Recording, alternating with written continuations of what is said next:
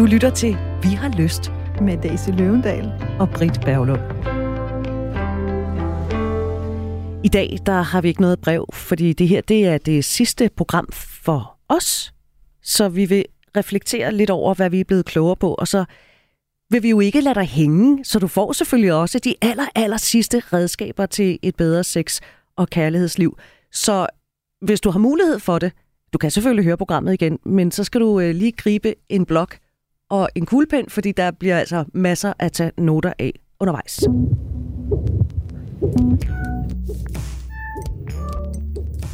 Og jeg har også bare rigtig meget lyst til øh, at sige tak til jer lyttere. Det her program havde jo aldrig nogensinde eksisteret, hvis ikke I havde været så engageret og ærlige og givet så meget af selv. Det har været en kæmpe glæde. I er så fucking seje og modige. Og øhm, i forbindelse med, at jeg skulle lave det her program, sad Britt og jeg og talte lidt. Og noget af det, der var vildt, for dengang vi sad og drømte om at lave det her program og lave en brevkasse, så var der selvfølgelig den store frygt. Er der nogen, der vil skrive til os? Og der var også frygten, om vi skulle have gjort det mere snævert, skulle det kun have været for kvinder, eller kun for mænd, eller kun for unge, eller kun for et eller andet. Og så havde vi det sådan lidt, nej, vi synes, de her emner er for alle, så derfor lader, lader vi det være op til jer. Og det, der er så vildt, det er, I har alle sammen skrevet. Vi har haft, fået breve fra mænd og kvinder, og non-binære, og heteroseksuelle, og biseksuelle, og vi har fået... Unge og gamle. Og unge og gamle, og I er uden for parforhold, og øh, på dydens smalle stier uden for den. Og det er bare så livsbekræftende, fordi det viser os noget om, at sex og kærlighed, det handler ikke om, hvem du er, eller hvordan du definerer dig selv, eller hvordan du lever dit liv. Det handler om at være menneske. Så tak til jer.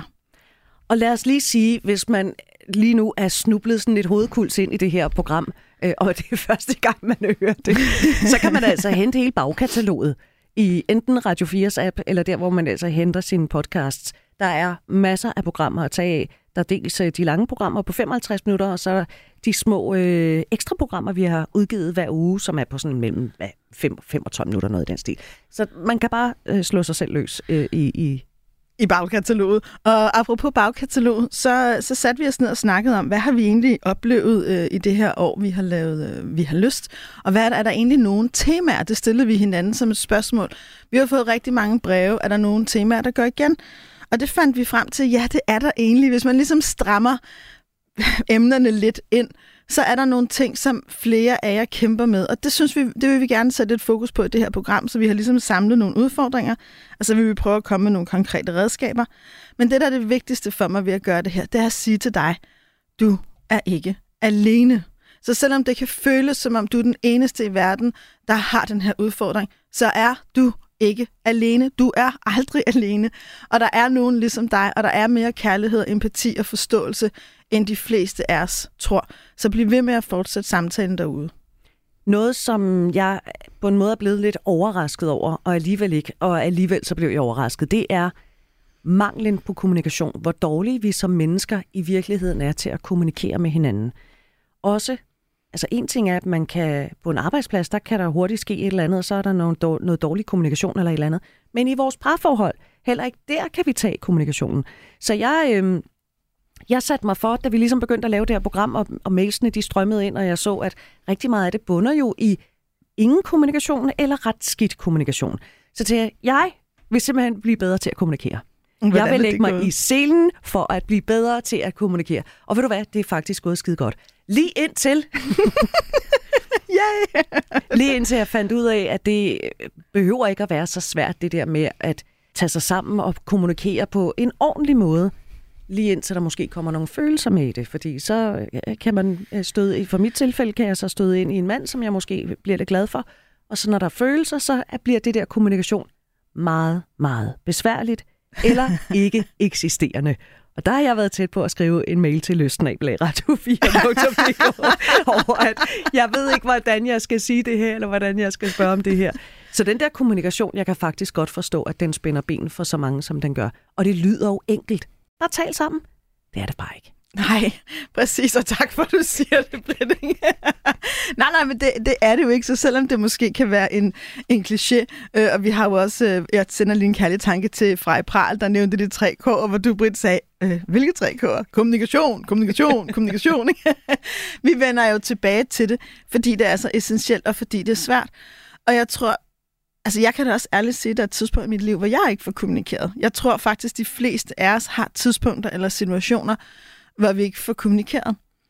Jeg tror også, og det er min erfaring, at når vi bliver bevidste om, hvor vigtigt det er, så bliver vi bedre til at gøre det alligevel, eller vende tilbage og sige, prøv at høre, hvis jeg havde været lidt mere modig, eller haft lidt mere overskud, eller lige havde kunne tænke mig lidt bedre om det, så vi har sagt det sidste uge, da det her skete, det var det her.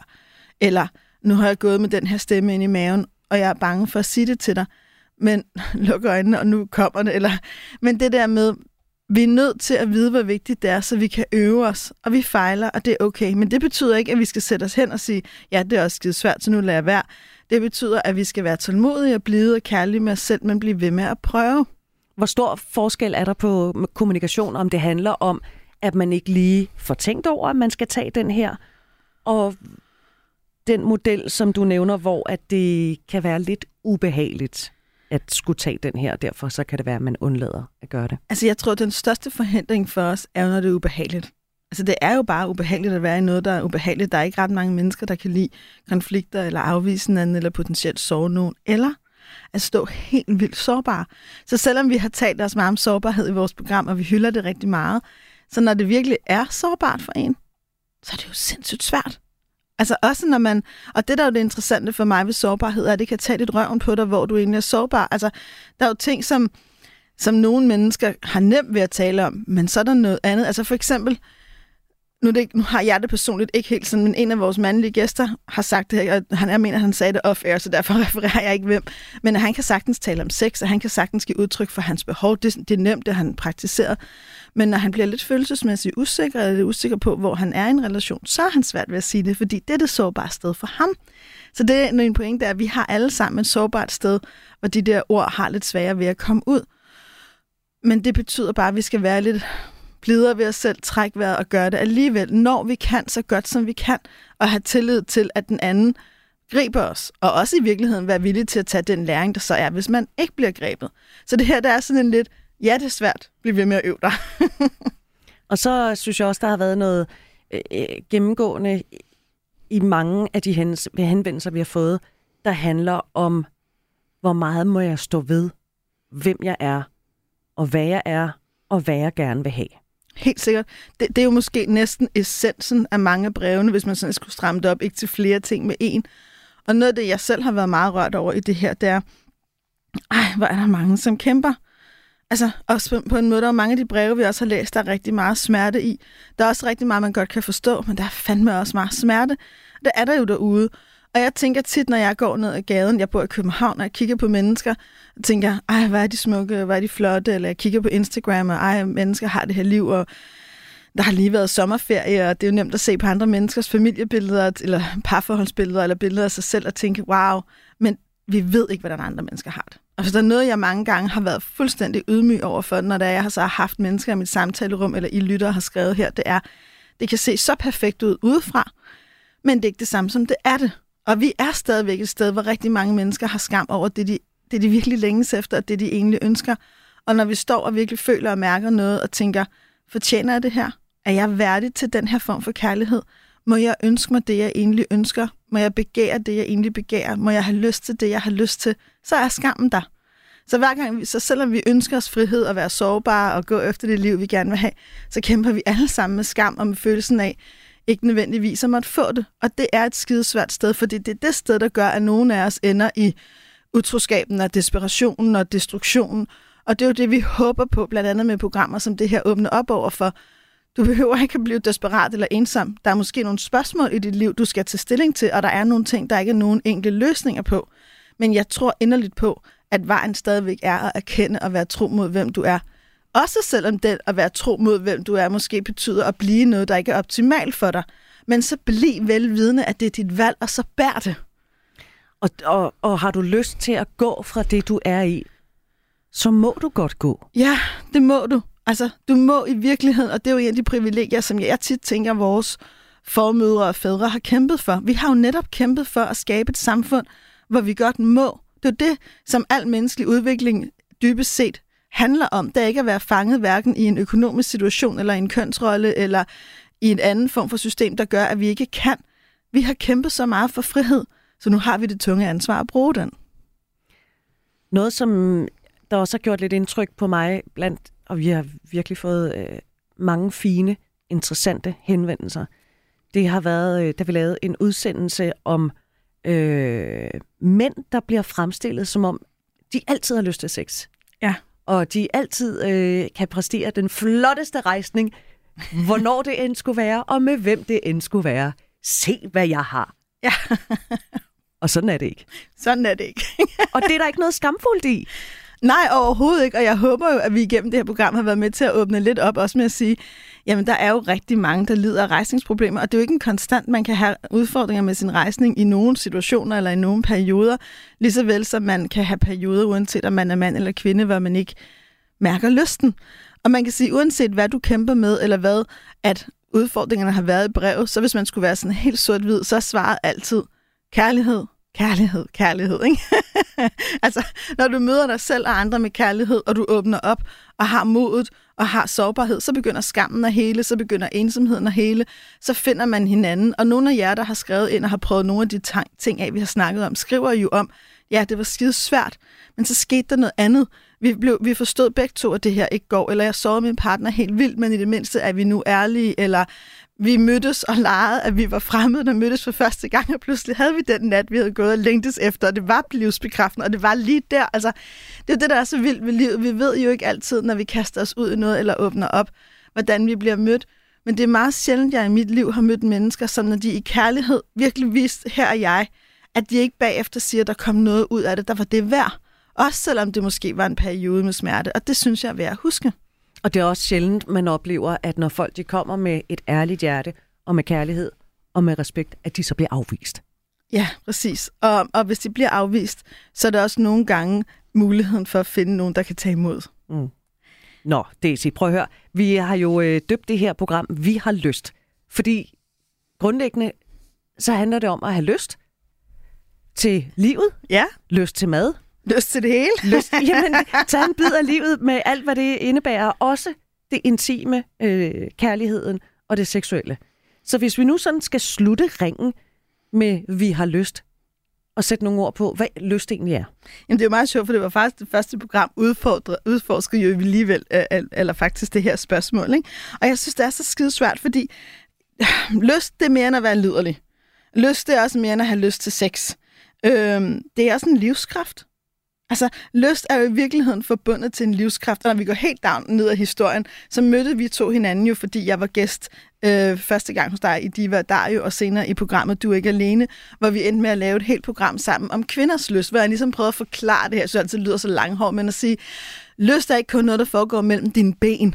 Lyst er selvfølgelig også noget, der foregår i dit hoved, men lyst er mere end sex. Lyst er også følelsen af, ah, jeg vågner i mit liv, og jeg kan lide det. Altså, jeg synes, det er et fedt liv. Jeg kan godt lide her, hvor jeg er. Og det kan da godt være, at vi ønsker, at jeg var tyndere eller rigere, eller havde mere overskud. Altså, vi har jo alle sammen nogle forbedringspunkter. Men jeg kan lide mit liv. Jeg kan lide mig selv. Jeg kan lide de mennesker, jeg er i. Jeg kan lide det, jeg gør. Og den der følelse af glæde er jo også livslyst. Og den er så meget forbundet også til den seksuelle lyst. Og den føles nogle gange lidt på samme måde. Den der boblen i kroppen og sommerfuglen i maven handler jo netop om det der med at have lyst. Så det er egentlig hele vejen igennem, har vi prøvet på at tale om sex ud fra det perspektiv. Det har handlet meget mere om at være menneske, end om hvilken glidecreme, der er bedst. Altså, vi har i virkeligheden virkelig forsøgt, selvom vi også har snakket om slikkelapper og hvad ved jeg, at, at se lysten i det perspektiv. Og huske, det er ikke kun spontan lyst, det er ikke kun forelskelse, det er også bevidste valg, det er også modtagelyst, det er også at være erotisk bevidst. Og vi har virkelig forsøgt og det er spændende, om det lykkes, at aflive myten om, at lyst skal være et lyn, der slår ned i os, at det er et eller andet uden for vores egen indflydelse. At lige pludselig så står man og tænker, gud, hvor har jeg lyst. Præcis. Lyst er også power. Altså lyst, og jeg tror faktisk, der er noget vigtigt i, at man som menneske tager den power hjem og tager fat i sin egen lyst. Så hvis du vil have et konkret eksempel, eller et konkret redskab, når forelskelsen så falder mig, eller den der sådan, og det gør den. Og det gør den. Eller den der første vilde tiltrækning, hvor du bare vil gå gennem ild og vand, ikke? eller lege hoteller midt på dagen, eller droppe arbejdet, eller opvasken, eller alle de der andre ting, du normalt tænker så meget på. Ikke? så skal du huske, at det er kun én form for lyst. Du har altid muligheden for at tage ansvar for det, du gerne vil. Så begynd med at spørge dig selv, hvad er det egentlig, du gerne vil? Hvad er det egentlig, du længes efter? Hvad er det egentlig, du drømmer om? Og i svarene på det spørgsmål, der ligger der helt konkret guld. Lige til dig. Der kommer lige direkte fra dig, som du kan bruge til at handle på. Og når du gør det, så sker der noget godt. Når du gør mere af det, du nyder, uanset om det er i soveværelset, eller på dit arbejde, eller i din hverdag, eller med din krop, så sker der noget godt i dit liv. Og det synes jeg faktisk, du skal give dig selv. Og det er fordi, Daisy, du siger, at lyst, det er ligesom et kompas. Fuldstændigt. Hvis lysten er der, så øh, spiller de fleste ting i ens tilværelse. Man er sådan overordnet glad og tilfreds. Ja. Og det øjeblik, hvor lysten den halter, så er der et eller andet, man skal kigge på. Præcis. Og det behøver ikke at være parforholdet. Nej, det kan også være alt muligt andet, fordi det er øh, lysten, der driver værket. Vores lyst er det her vilde kompas, der fortæller mig, skal jeg tættere på det her, eller længere fra? Så nogle gange er det faktisk ikke så kompliceret, og du har et fantastisk kompas siddende sådan, du ved, øh, lidt syd for navlen. Ja.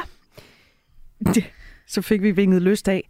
Vi har også uh, talt uh, i løbet af programmerne, der, vi har faktisk været inde på det nogle gange, det her med at have det svært med sin krop. Det er vi mange, der har, og jeg siger vi, fordi jeg har det jo også stramt med min krop.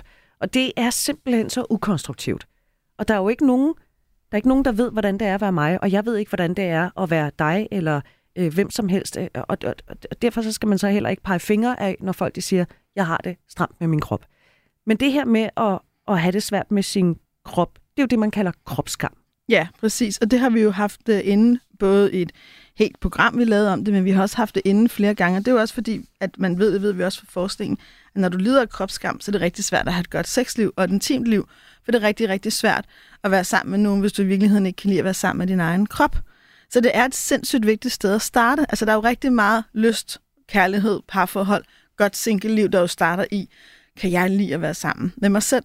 Og når jeg siger det sådan her, og jeg har ligesom lyttet til nogle af vores programmer, så, har, så, så får jeg lyst til at ligesom indskyde.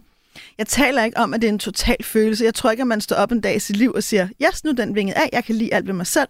Jeg elsker mig selv 100%. Det, det synes jeg er for stramt et ideal. Men det handler måske om at have flest dage og timer, hvor man har det godt med sig selv, og så på en selvkærlig måde kunne være med de andre. Så det er sådan ligesom helt overordnet. Det, det, som, det, som jeg får lyst til at sige, hvis du også kæmper med din krop, det er, altså, jeg er nødt til at gentage mig selv. Jeg kan slet ikke, jeg kan slet ikke bøje nok i næren, hvor vigtigt det er, at du får et godt forhold til dig selv, og at du prøver. Og, og uanset næsten, hvad det betyder, for der er så meget, der begynder der. Så noget af det første, du kan begynde på helt konkret, det er, prøv en gang at stoppe med at fokusere på det negative. Og det kan godt lyde sådan lidt underligt. Øhm, og det der er tricket, det er, at du kan ikke stoppe med noget, før du gør noget andet. Så du skal ligesom prøve at forestille dig... man er nødt til at erstatte det. Præcis. Du skal ligesom forestille dig, at nogle gange så er dit sind en stadig supertanker, der ligger og mosler sådan i den samme rille. Kan I se det for? Øh, der er virkelig svært ved at skifte kurs. Ikke? Der står nogen med et kompas, men det der kompas er lidt i stykker. Ikke? Så du er nødt til ligesom at tænke, det kræver rimelig meget vilje og øvelse at dreje det her. Men du skal dreje det. Og måden, du drejer det på, det er i virkeligheden at begynde meget struktureret og fokusere meget mere på det, du godt kan lide. Helt lavpraktisk ved din krop. Det kan fx være, hver gang du tænker, ej, jeg er for tyk, og jeg, min røv er for stor, og min, jeg har appelsinhud, og hvad end du tænker, så sig, stop. Jeg kan godt lide mine øjne. Jeg er et ordentligt menneske. Jeg har pæne læber. Jeg ved, jeg betyder noget for nogen. Jeg har jeg kan virkelig gå. nice skuldre. Jeg har virkelig nice skuldre. Ikke? Fantastiske biceps, ikke? Og mine bryster, de kan faktisk mærke noget. Når dit, dit, dit, på brystvorten, så sker der noget. Hey, Når man hvad? Det? Dit, dit, dit, på brystvorten, så sker der noget, ikke? altså det der sådan med meget detaljeorienteret, at flytte dit fokus over på noget, du godt kan lide, det betyder meget. Så begynd at tænke meget mere over, hvad du godt kan lide ved din krop, og hvad du godt kan lide også seksuelt, når vi nu taler i, i den boldgade. Fordi alt for mange, de tænker alt for meget over, hvad alle de andre tænker hvad er normalen? Hvad gør de andre? Hvordan burde det være? Nej, nej, nej. Og vi hvad tænker de om mig? Og hvad tænker de om mig? Det vi skal, det er, at vi skal ind i dig. Vi skal ned i dig. Så hvis du i virkeligheden, mange, der har kropsskam, de beskriver tit, at de ser sig selv udefra. Så man kan sige, skridt nummer et, forvent den her supertanker, forvent kursen ved at begynde at fokusere på det positive. Så hver gang du hører det negative, stop, træk vejret, fokuser på det positive, nævn det, du er taknemmelig for, øv taknemmelighed, øv at se det, din krop kan.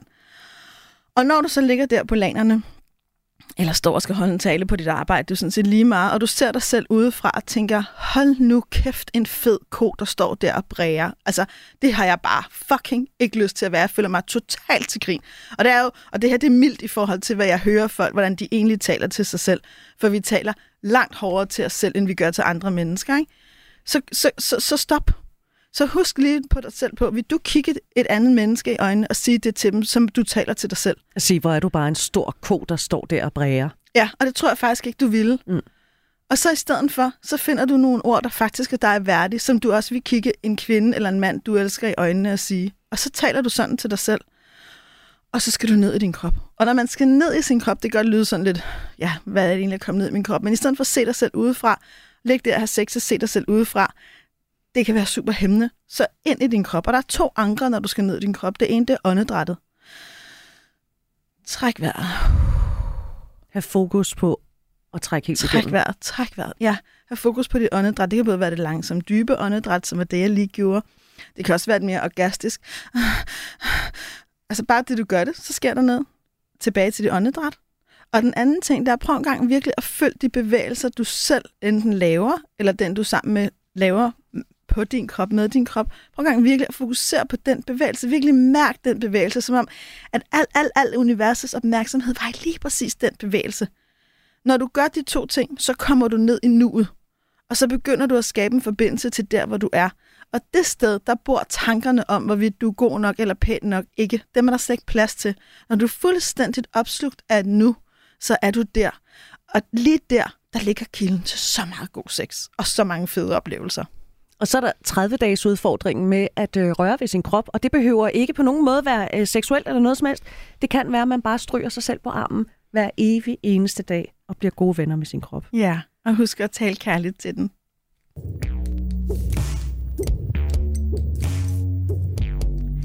Du lytter til Vi har lyst. Vi er i gang med den aller sidste udsendelse her fra vores hånd. Men vi lader dig jo selvfølgelig ikke hænge, så derfor så øh, takker vi af med en lille time i redskabsrummet. Du får en masse redskaber til, hvordan du kan få et, et godt og dejligt kærligheds- og sexliv, og i virkeligheden bare et godt liv.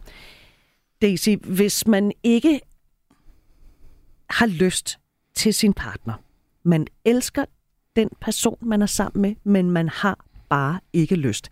Det er også noget, vi har oplevet i nogle af de henvendelser, vi har fået, ikke bare i en, men i indtil flere.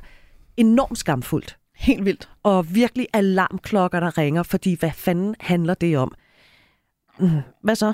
Hvad gør man? Jamen, så, man, så har jeg lyst til at sige først, okay, jeg erkender, du, det, det, er et rimelig, det er et rimelig fuck sted at være, og det gør mega, mega ondt.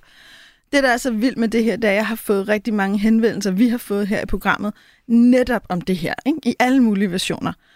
Og, og her der er det sådan lidt, vi, jeg vil gerne om lidt komme med nogle redskaber, men jeg har også brug for at sige, det er ikke et quick fix. Det er skide svært, og derfor er redskaberne heller ikke nødvendigvis super, super konkrete. Fordi det er ikke sådan, jeg tror ikke, at man kan ændre det ved bare at gøre fem ting anderledes, eller begynde at have sex to gange om ugen, eller tage på kroophold. Altså, og der er ikke en metode, der virker for alle. Nej, præcis. Men det er jo et eksistentielt smertefuldt sted at stå. Øhm, og, og når man står smertefulde steder, så er du nødt til at begynde med at være ærlig over for dig selv. Og, der er, og når jeg siger det, så er det fordi rigtig mange af de mennesker, jeg møder, og det har også ligget i nogle af brevene, der er så mange omforklaringer. Ja, men det er også fordi lige nu, og måske var det anderledes, så der har også lige været den her ting, og det er også otte år, jeg, jeg har også lige født, jeg har en, kvinde, jeg spurgte for nu, hun sådan, ah, men det er også fordi, måske det er også fordi, jeg lige har født. Og sådan, hvor gammel er dit barn? Øhm, hun er så otte. Øh, øh, otte, ikke? altså, fordi måneder eller år. År, ikke? Altså, ikke? man sådan tænker, okay. Og når jeg nævner det, så er det for at sige, det her er jo et smertefuldt sted, hvor vi tit går i gang med alle mulige forklar røv forklaringer om, at nå ja, men det er også fordi, ja, ja, ja, så kører det derud af, ikke? Og så bliver det hele enormt mudret, vi ender ned i en eller anden blindgyde, og ingen forstår, hvad der er blevet sagt. Du er nødt til at være ærlig. Du er nødt til at være ærlig om, her hvor jeg er lige nu, jeg elsker dig, jeg respekterer dig, du er en god far, du er en god mor, vi har det dejligt sammen, du altså, du slår mig ikke i gamle dage, hvor det er jo nærmest, altså, bare man ikke bliver slået, det er godt nok, det er slet ikke der, vi er i dag, heldigvis. Du er godt en menneske. Jeg du bare respekterer mig. Ja, du respekterer mig, vi er gode til at afstemme Excel-arket. Jeg har bare ikke lyst til det, vi er ikke kærester. Begynd med den erkendelse. Og i virkeligheden, når, når det er, du laver den erkendelse, og du virkelig tager ansvar for dine egne følelser, så er skridt nummer to, invitere din partner ind på den rejse.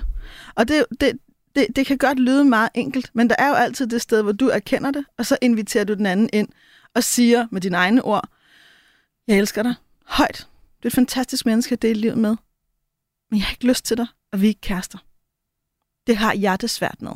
Eller hvad det nu er, der det, fandme også en, det fandme også en losing at få som partner. Ja, men det interessante er jo, og det er så her terapeuten kommer op, når folk så får den i går så en lussing, så er det også til den lettelsens suk.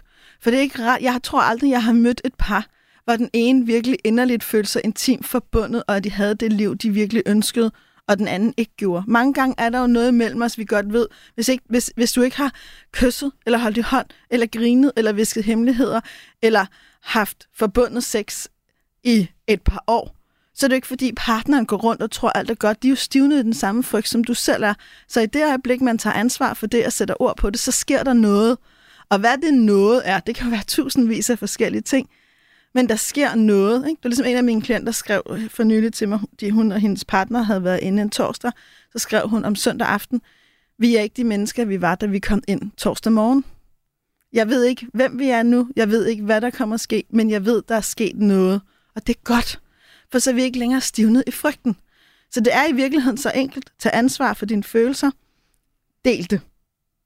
Det er det. Og ja, det er svært. Og jeg vil også sige, og nu kommer jeg til at sige en af de der ting, jeg har tænkt meget om, jeg skulle sige eller ej. Nu siger jeg det så bare, ikke? Kom Jeg har det. faktisk ikke nogen dom på utroskab. Jeg forstår faktisk virkelig godt, hvorfor man kan være utro. Jeg forstår som menneske virkelig godt, hvad det er, der kan gøre det. Jeg møder mennesker, som jeg holder af, der har været utro. Jeg møder par, jeg, møder par, jeg har fulgt gennem noget tid og finder ud af, at den ene har været utro, hvor jeg nogle gange tænker, ah, jeg vidste, jeg så det komme. Jeg skulle godt forstå ham eller hende. De prøver jo også nogle gange at løse et smertefuldt sted, så de er utro for, at de kan blive, fordi de ønsker jo ikke at gøre nogen ondt, og slet ikke børnene. Men selv med al den empati, så kan jeg alligevel stadigvæk helt dybest set som menneske, må jeg erkende, at jeg synes, det er noget lort. At det ikke er det, jeg ønsker for nogen. Fordi den, det selvbedrag, der ligger i det, den løgn, der ligger i det, det at opdage, at nogen har løjet for en i så mange år, det er så dybt smertefuldt.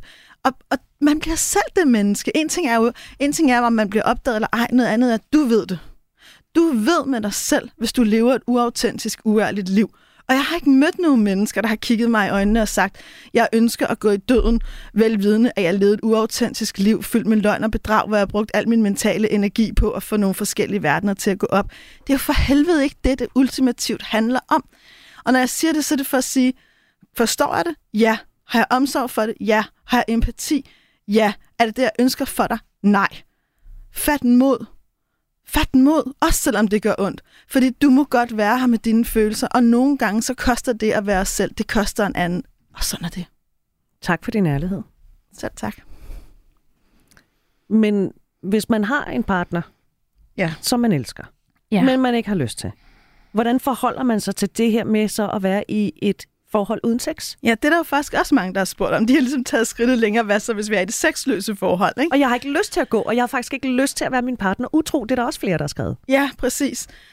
Det, der- det som jeg, vi har talt om i mange af de øh, programmer, og nu har jeg lyst til at sige det igen, det er, der kommer nogle sexknuder på spil.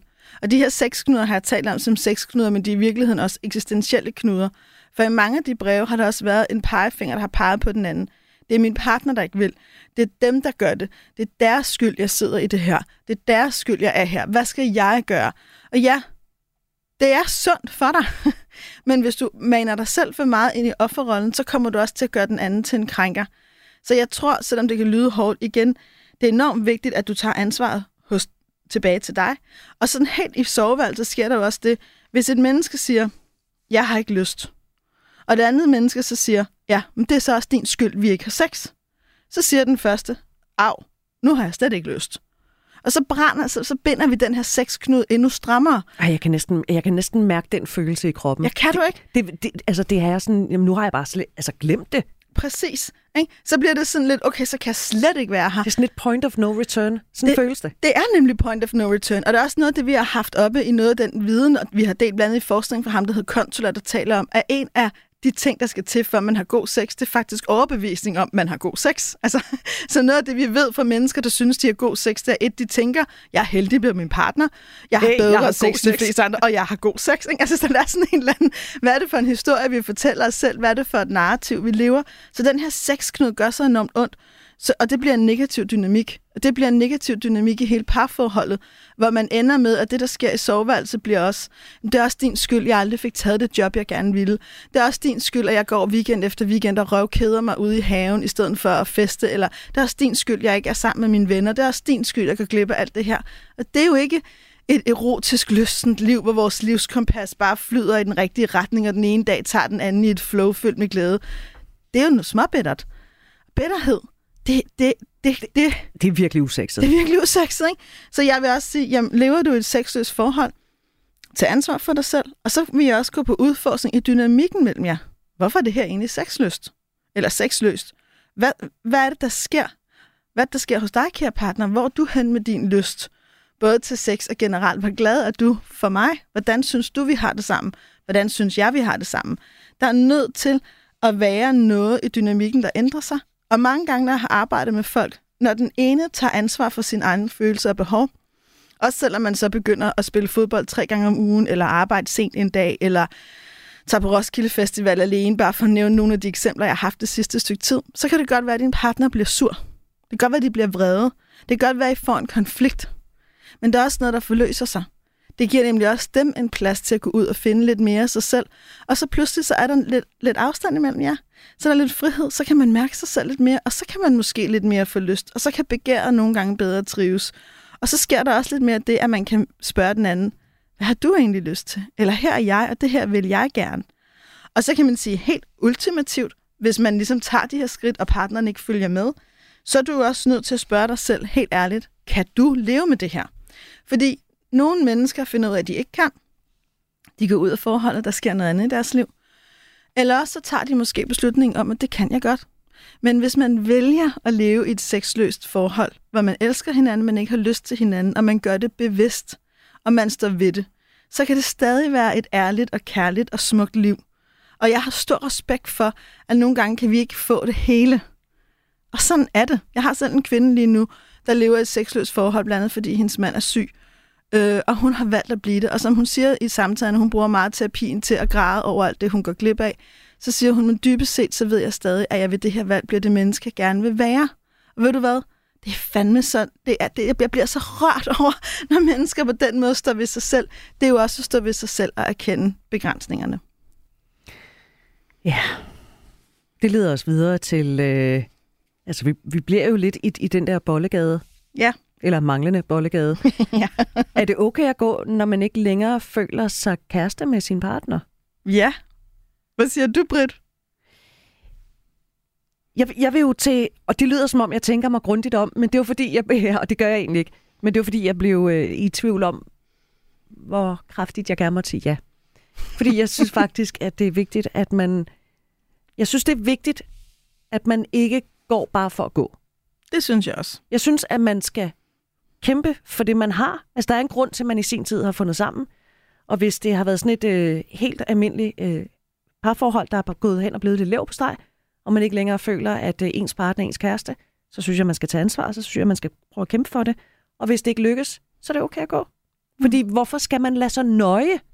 Og, det, og med det mener jeg ikke, at man skal gå lige så snart, der er den mindste kur på tråden. Fordi det synes jeg faktisk ikke. Jeg synes, vi kæmper for lidt i dag. Øhm, men ja, selvfølgelig må man godt det. Ja, enig. Det synes jeg også. Det må man godt. Og jeg vil faktisk også sige, jeg synes, frihed er sindssygt vigtigt. Det synes jeg som menneske, det synes jeg som politisk væsen, det synes jeg er en grundværdi, vi næsten alle sammen her i Danmark er enige om. Frihed, det betyder også et eksistentielt ansvar. Og det betyder også, du må gå, når du vil, men du må også gerne vælge til, apropos det, jeg sagde før. Du må godt vælge at blive det forhold, du er i, med det, det indebærer. Men så vælg det hele hjertet. Så lad være med at gå Du skal rundt... være bevidst om det. Ja, og så lad være med at gå rundt og tale dårligt om din partner, og kalde din partner frigid, eller synes, det er deres skyld, du ikke har et godt liv. Så dyrk Generalen. Ja, generalen, ikke? Så dyrk det mest fantastiske solosex. Så have det vildeste indre fantasiliv, ikke? Altså, så dyrk dog for helvede en masse volleyball med dine venner, eller gå til syning med dine veninder, eller gør hvad, hvad end, du har lyst til. Så ej det. Fordi når du sidder på den sidste dag og kigger tilbage på dit liv, så er der kun én, der kan sige, som filosofen Nietzsche siger, ja, jeg vil tage en tur til. Ikke? så du skal hellere gøre det til en tur, du gerne vil gøre en gang til. Ikke? Sådan der. Øhm, det, der har, har været, øh, synes jeg, interessant ved at kigge på vores indpakke, det er, at der har været udover at vi har fået mange mails, så er det fra de helt unge til dem, vi godt kan kalde de helt ældre, altså næsten 80 år. Det har været fra mænd, det har været for kvinder. Er der det her med mænd og kvinder, altså er vi så forskellige, eller er vi i virkeligheden bare mennesker? Ja, hvad tænker du, Britt? Du har jo været her til alle de her samtaler. Ja, jeg synes, der er noget, og det kan godt være, at min hukommelse svigter mig her. Jeg synes, at der har været en overvægt af kvinder i indbakken, der har peget fingre af deres mænd. Mm-hmm. Hvor at jeg synes, der er knap så mange mænd, der har peget fingre af deres øh, damer. Det er der også nogen, der har. Men jeg synes, der er en overvægt af kvinder, så jeg tænker, at der er sgu lidt forskel på mænd og kvinder. Jamen, man kan jo sige, at jeg griner, fordi det her det er sådan emne, inden vi begyndte programmet, der var en af de ting, jeg tænkte mest, uh, hvad er, den der, hvad er det der politiker svar, som ligesom kommer videre, fordi jeg synes, jeg synes det er så skide svært, ikke? Mm. Er der forskel på mænd og kvinder? Ja og nej. Altså et, vi er jo forskellige. Nogen, nogen har en kvindekrop, nogen har en mandekrop. Vi har en forskellig hormon, meget, ikke? Men, men køn er jo også samfundsskabte normer og forventninger, og hvem skal du være, og bla bla bla. Og vi har jo også snakket om, hvad man forventer af mænd, og hvad man forventer af kvinder, og hvem har barslen. Og, altså, så, så man kan sige, ja, der er forskel. Men al forskning viser jo også, at der er sindssygt meget, vi er ens om. Der er jo sindssygt mange parametre, hvorpå det er mindre vigtigt, om du er mand eller kvinde, end hvad for en barndom havde du, hvor højt selvværd har du, hvor glad er du generelt i dit liv, hvor meget kan du mærke dig selv, hvor meget skam har du, hvor lidt skam har du. Så der er jo enormt mange andre parametre, som i virkeligheden betinger, synes jeg, meget mere, hvem du er. Så jeg kan godt nogle gange føle, at når vi har haft samtalerne, det kan være meget befriende nogle gange at tale i mænd og kvinder, og i nogle programmer har vi ligesom omfavnet den præmis. Og jeg har rigtig mange gange prøvet at sige, ja, og sådan kan mænd også have det, og sådan kan kvinder også have det, for hele tiden at minde om, det er ikke, det er ikke sådan en sandhed, at vi kan proppe alle ned i to bokse. Jeg vil faktisk sige, jeg synes, det problemet med alt det her biologisnak er, at det bliver en forhindring for, at vi virkelig møder hinanden. Og det bliver nogle gange... Hvad en mener, hvad, hvad, nu afbryder jeg dig. Hvad mener du med det? Det mener jeg, at det, er, bliver sådan en hurtig konklusion. Om oh, det er også bare, fordi hun er en mand. Om oh, det er også bare, fordi hun er en Nå, kvinde. Det er også, fordi alle kvinder har det sådan. Ikke? Ja, men det er lidt ligesom, når ens forældre øh, siger, at jeg har truffet en eller anden beslutning, man siger, hvorfor det? Fordi jeg siger det. Præcis. Ikke? Øhm, hvor, hvorfor har Henning det sådan? Åh, oh, det er også bare, fordi han er en mand. Ikke? Mænd kan heller ikke Ja, nyde. typisk ikke? mænd. Typisk mænd, ikke? Altså, øh, nå, men du ved, og så, så er det jo sådan, okay, nu aner du i virkeligheden ikke, hvem Henning er. Du har ikke stillet ham 10 spørgsmål. Du har ikke gjort dig umage for at finde ud af, hvad der foregår inde i ham, fordi, åh, oh, sådan er mænd, sådan er mænd, ikke? Mænd har heller ikke nogen indre legeplads. Mænd er bare så primitive. Mænd vil bare knalde og have udløsning, ikke? Ja, eller også så vil lige præcis den mand, du står over for noget andet. Men det får han ikke lov til at sige, fordi alle forventer, at han er på en bestemt måde. Så jeg har det sådan her, skal vi snakke generelle termer? Ja, nogle gange er det godt, men jeg er langt hen ad vejen meget hellere høre om dig. Jeg vil meget hellere høre om, hvem du er, og hvad der er på spil for dig, og tale om dig. Og jeg vil meget hellere fortælle om mig, end jeg vil generalisere. Så jeg vil faktisk sige lidt apropos de konkrete redskaber.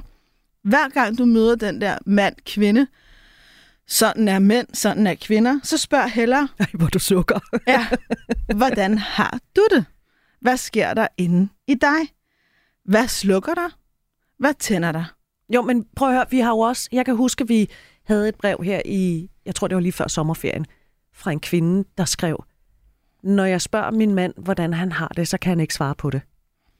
Altså hvis man står over for et menneske, det er sådan set ligegyldigt, om det er en mand, kvinde, non-binær eller hvad det end er, at vedkommende ikke kan svare på, hvordan de har det. Hvordan fanden kommer du så videre? Altså, så kan man sige, jeg tror, forudsætningen for at komme videre, det er, at du ikke bare trækker på skuldrene og siger, nå ja, sådan er mænd. Nå, så, så punkt nummer et, det er måske at sige, prøv at høre her, darling. Jeg synes, at jeg har taget initiativ til nogle samtaler. Jeg synes, jeg går og prøver at spørge dig, hvordan har du det? Og du svarer mig ikke. Hvad handler det om? Det Altså- ved jeg ikke. Nej, okay. Og så må du finde ud af med dig selv, kan jeg leve med det? Altså, jeg tror, hvis det var mig personligt, så ville jeg sige, okay, jeg har virkelig svært ved at komme tættere på dig, når du ikke ved det. Please, find ud af det. Jeg er tålmodig et lille stykke tid. Jeg ved med mig selv, at jeg ikke vil være Jamen, jeg ved tålmodig for jeg ved- evigt. Jeg ved ikke, hvordan jeg skal finde ud af det. Nej, men ved du hvad? Læg så, mærke til det rollespil, der lige er Ja, blevet ja, der- opstået, vi har der er rollespil. så kunne jeg jo for eksempel sige, ja, ved du hvad, jeg synes, du skal ringe til en god terapeut. Der er det her fantastiske program, der hedder Vi har lyst. Der har vi præsenteret nogle af Danmarks mest spændende. Ring til en af dem, find en, der appellerer til dig. tag på mand 21, tag i kvindegruppe, øh, tag ud og læs nogle bøger, læs noget poesi, gå en tur, tag noget tid ud til dig selv, dyrk noget sport, løb en tur, meld dig ind i kajakklubben gør et eller andet, for der er kun et menneske i den her verden, der kan tale for dig, og det er dig. Og på et eller andet tidspunkt, hvis du ikke du begynder at tale til mig, så mister jeg interessen. Ja, der var så et par udråbstegn. Så, mænd og kvinder, er vi så forskellige eller ej? Ja og nej. Er det konklusionen? Præcis, men vi vil langt hellere tale om dig personligt, end vi vil tale i det generelle.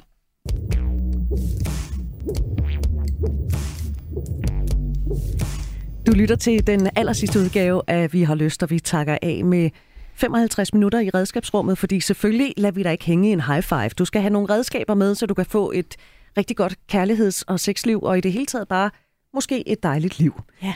Øhm, børn. Dem har vi talt om nogle gange. Det må man sige. Dræber børn altid sexlysten, eller er der håb for, at man kan forene et hektisk familieliv med lyst og intimitet og, og så være, bare være voksen Ja, og liderlig? ja, ja, og lysten og have lyst til alle mulige ting. Der er der så meget håb. Altså, hallo. Altså, jeg tænker der tilbage. Vi har snakket med Frej Pral, vi har taget- snakket med Mathias Stølen Du, vi har snakket med alle mulige andre, hvor det ikke har været dedikerede programmer, men hvor det ligesom er kommet ind. Jeg synes, at der er masser af håb, ikke? Øh, og i virkeligheden synes jeg også, at det, det er en rigtig... Jeg synes, det er et rigtig vigtigt sted, fordi jeg har selv tænkt meget over, dengang jeg selv var gravid første gang, så fik jeg nærmest at vide sådan lidt, øh, ej, du skal bare glæde dig, det bliver helt vildt dejligt. Og så forresten, så mister du dig selv, din sexlyst, din tiltrækning, din, din følelse af at have et godt arbejdsliv, højst sandsynligt også dit sexliv og dit parforhold. Så tillykke. Ej. altså, det er ikke sådan den mest... sådan- Altså, der er et eller andet med det der narrativ, jeg synes, vi godt kunne lave om. Selvfølgelig er der håb. Er det krævende at have børn? Ja. Jeg synes, det er krævende. Jeg synes, det var krævende at have små børn. Jeg synes også, det er krævende at have større børn. Jeg synes faktisk, det at være tæt forbundet til andre mennesker er krævende. Selvfølgelig er det det, det anerkender jeg. Men, men der er jo masser af håb. Men jeg tror, det kræver, at man får skabt nogle liv, og det er her, det hele begynder, hvor man er mere end far og mor. Så det er ligesom det konkrete lavpraktiske råd. Skab et liv, hvor I er mere og andet end far og mor. Gør det til en benhård prioritet at skabe tid og rum og plads til at være mere end far og mor, inklusive sproget. Lad være med at kalde din partner for lille far eller lille mor. Og lad være, bare lad være. Så man skal stadigvæk være kærester. Det skal vi huske Ja, hver dag. og før vi er kærester, så skal vi være os selv. Og du skal huske, hvem, hvem du er, og hvad du godt kan lide, og du skal tillade dig selv at blive ved med at gå på opdagelse i det. Det er okay, at forældreskabet ændrer noget i dig, men så find ud af, hvem du er nu.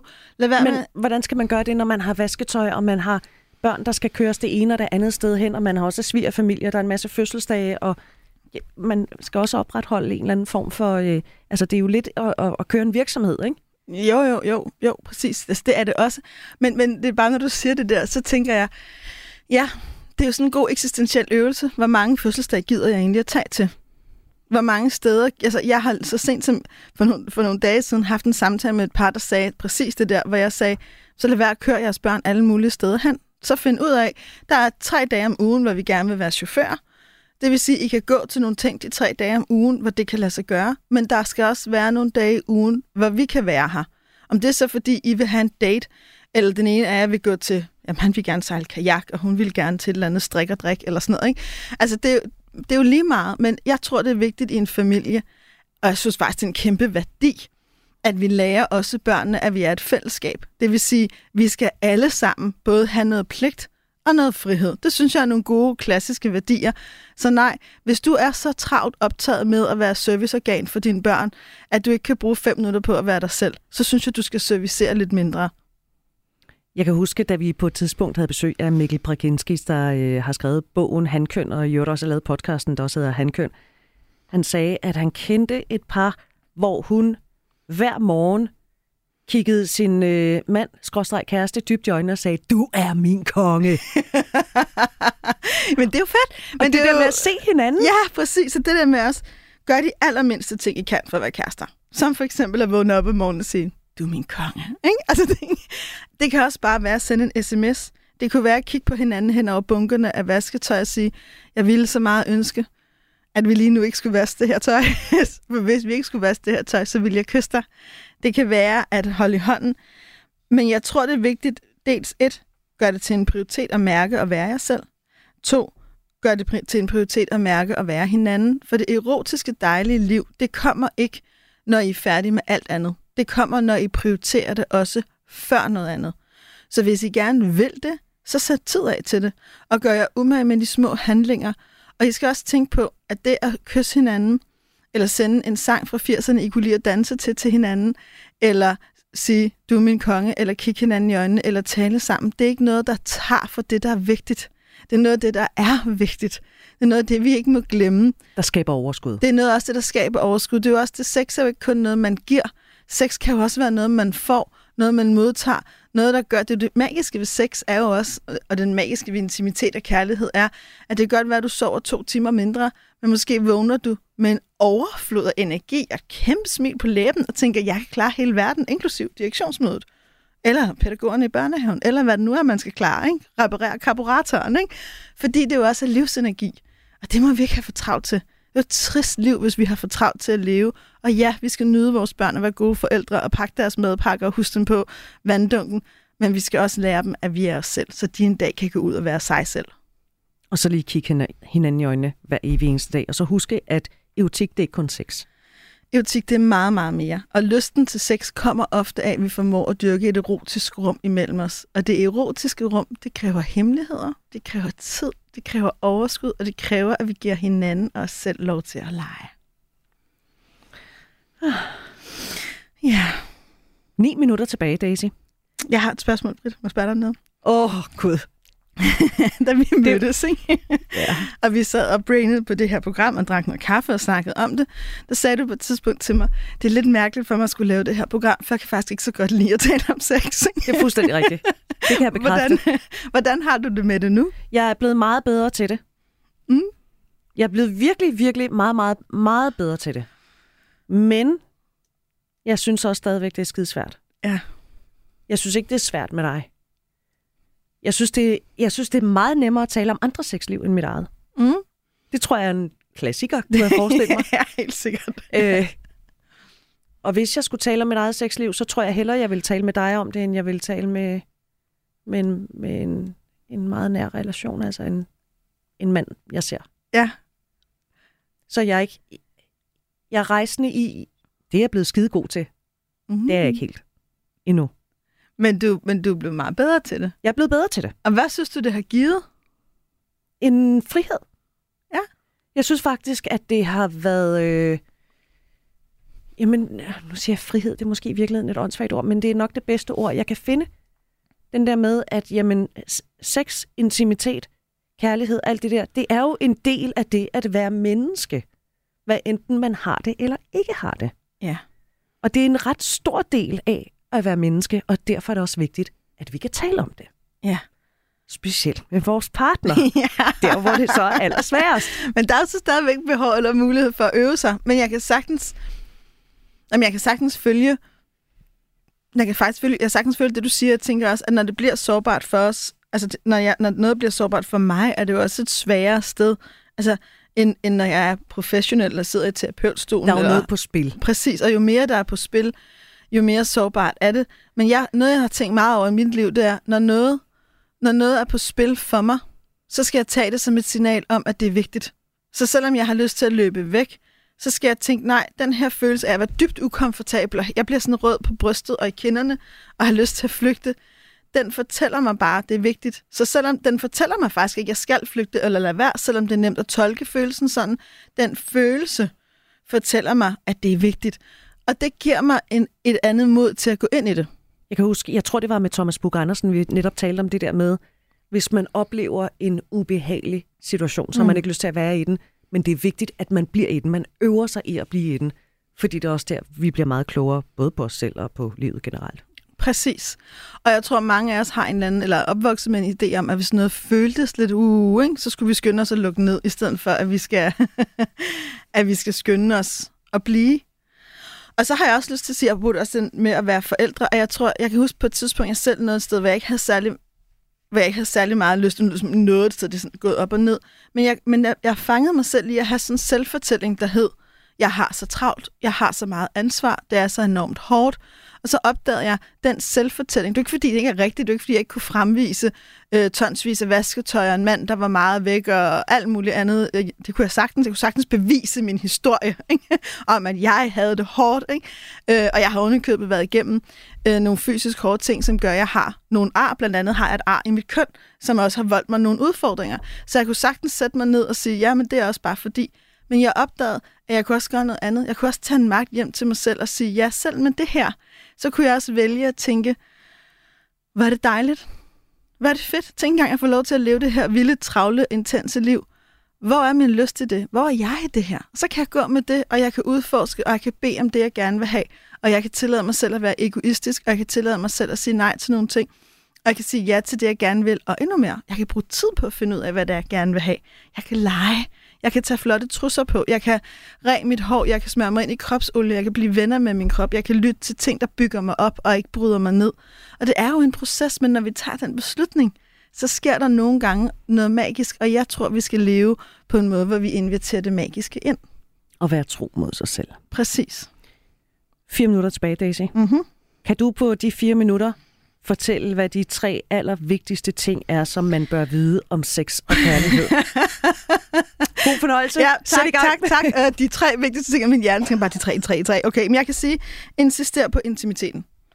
Lad være med at leve et liv, der er for travlt til lyst og erotik. Bare lad være. Lev, elsk, så du kan dø lykkelig med en masse erotik undervejs. Det gør det hele så meget sjovere. Og det kommer ikke flyvende, mens du laver noget andet. Så insister på at invitere det ind. To, hvis du ikke kan mærke dig selv, så kan du heller ikke mærke din lyst, og du kan heller ikke mærke andre mennesker. Godt. Så lad os lige gribe fat i den, fordi man skal mærke sig selv. Mm-hmm. Åh, oh, for helvede. Ja, ja. Hvordan, hvordan gør jeg det? Hvordan ja. ved jeg, om jeg kan mærke mig selv? Jamen, det ved du, fordi du ved det, når du ikke kan. Ikke? Og nu er vi tilbage til programmet med Jeppe. Ikke? Den gode Jeppe, yogalæreren, der også endte med at dele en rigtig vild fantasi, som fortalte om, hvordan han havde fortalt sig selv, han var et aseksuelt menneske uden lyst. Lige indtil han blev krammet af en fremmed kvinde. Ja, og så tænkte han, uh, for meget lyst, forkert situation. Der kunne han have lukket ned i skam. Men det gjorde han ikke. Han tog det modige valg. Han gik hjem og kiggede på sin kæreste og sagde, jeg har opdaget, at jeg har fortalt mig selv en historie om, jeg ikke har lyst. Og når jeg ikke har kunnet mærke mig selv, så har det også været, fordi jeg ikke vågede at mærke, at vi var et svært sted. Men det våger jeg nu.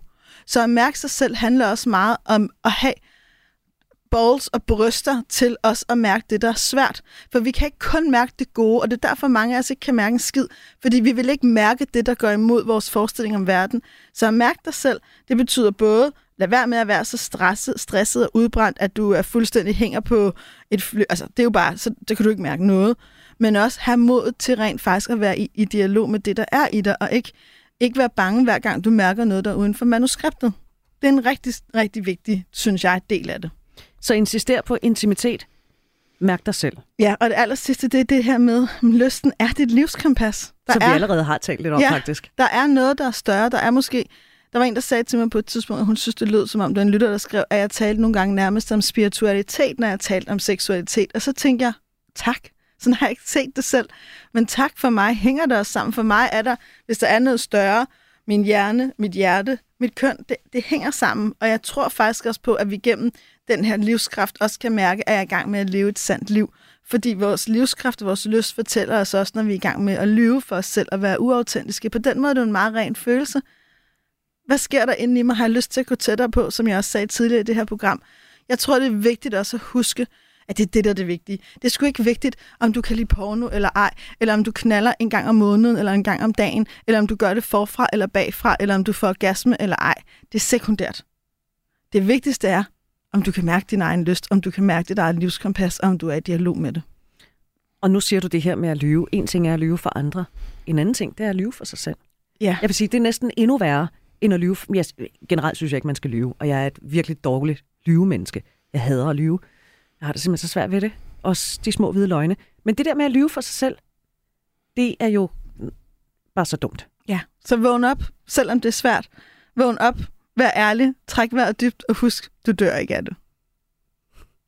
Nej, jeg trækker vejret. Jamen, Daisy, øh, vi nærmer os en afslutning, men vi er jo slet ikke færdige med samtalen. Eller jo, vi to er lige nu om et øjeblik, om under et minuts tid. Men vi er ikke færdige med samtalen. Vi bliver aldrig færdige med samtalen. Nej, det gør vi ikke. Og jeg kunne godt tyde lidt nu, øh, og det har jeg egentlig lidt lyst til, fordi jeg synes, det her der er så mega bevægende. Og for jer, hvis breve vi ikke har nået, det er vi pisse ked af. Det er vi virkelig. Det vi, vi, vi, ønsker, vi kunne have stoppet det her med rent bord, men livet er jo ikke altid, at man efterlader alt med rent bord. Men blive ved med at tale sammen. Find nogen at tale med, tal med hinanden. Øh, lyt til de andre gode programmer, der findes derude. Fortsæt den her samtale, for den her samtale, den er så afsindig vigtig. Og husk så, at du kan hente alle programmer, der er blevet lavet i serien Vi har lyst, i Radio 4's app, eller der, hvor du plejer at hente dine podcasts. Og der har vi jo altså også hver uge leveret en lille ekstra ting om tirsdagen, så hvis du ikke har hørt dem, så vil jeg altså også anbefale dig at hoppe ind øh, på det.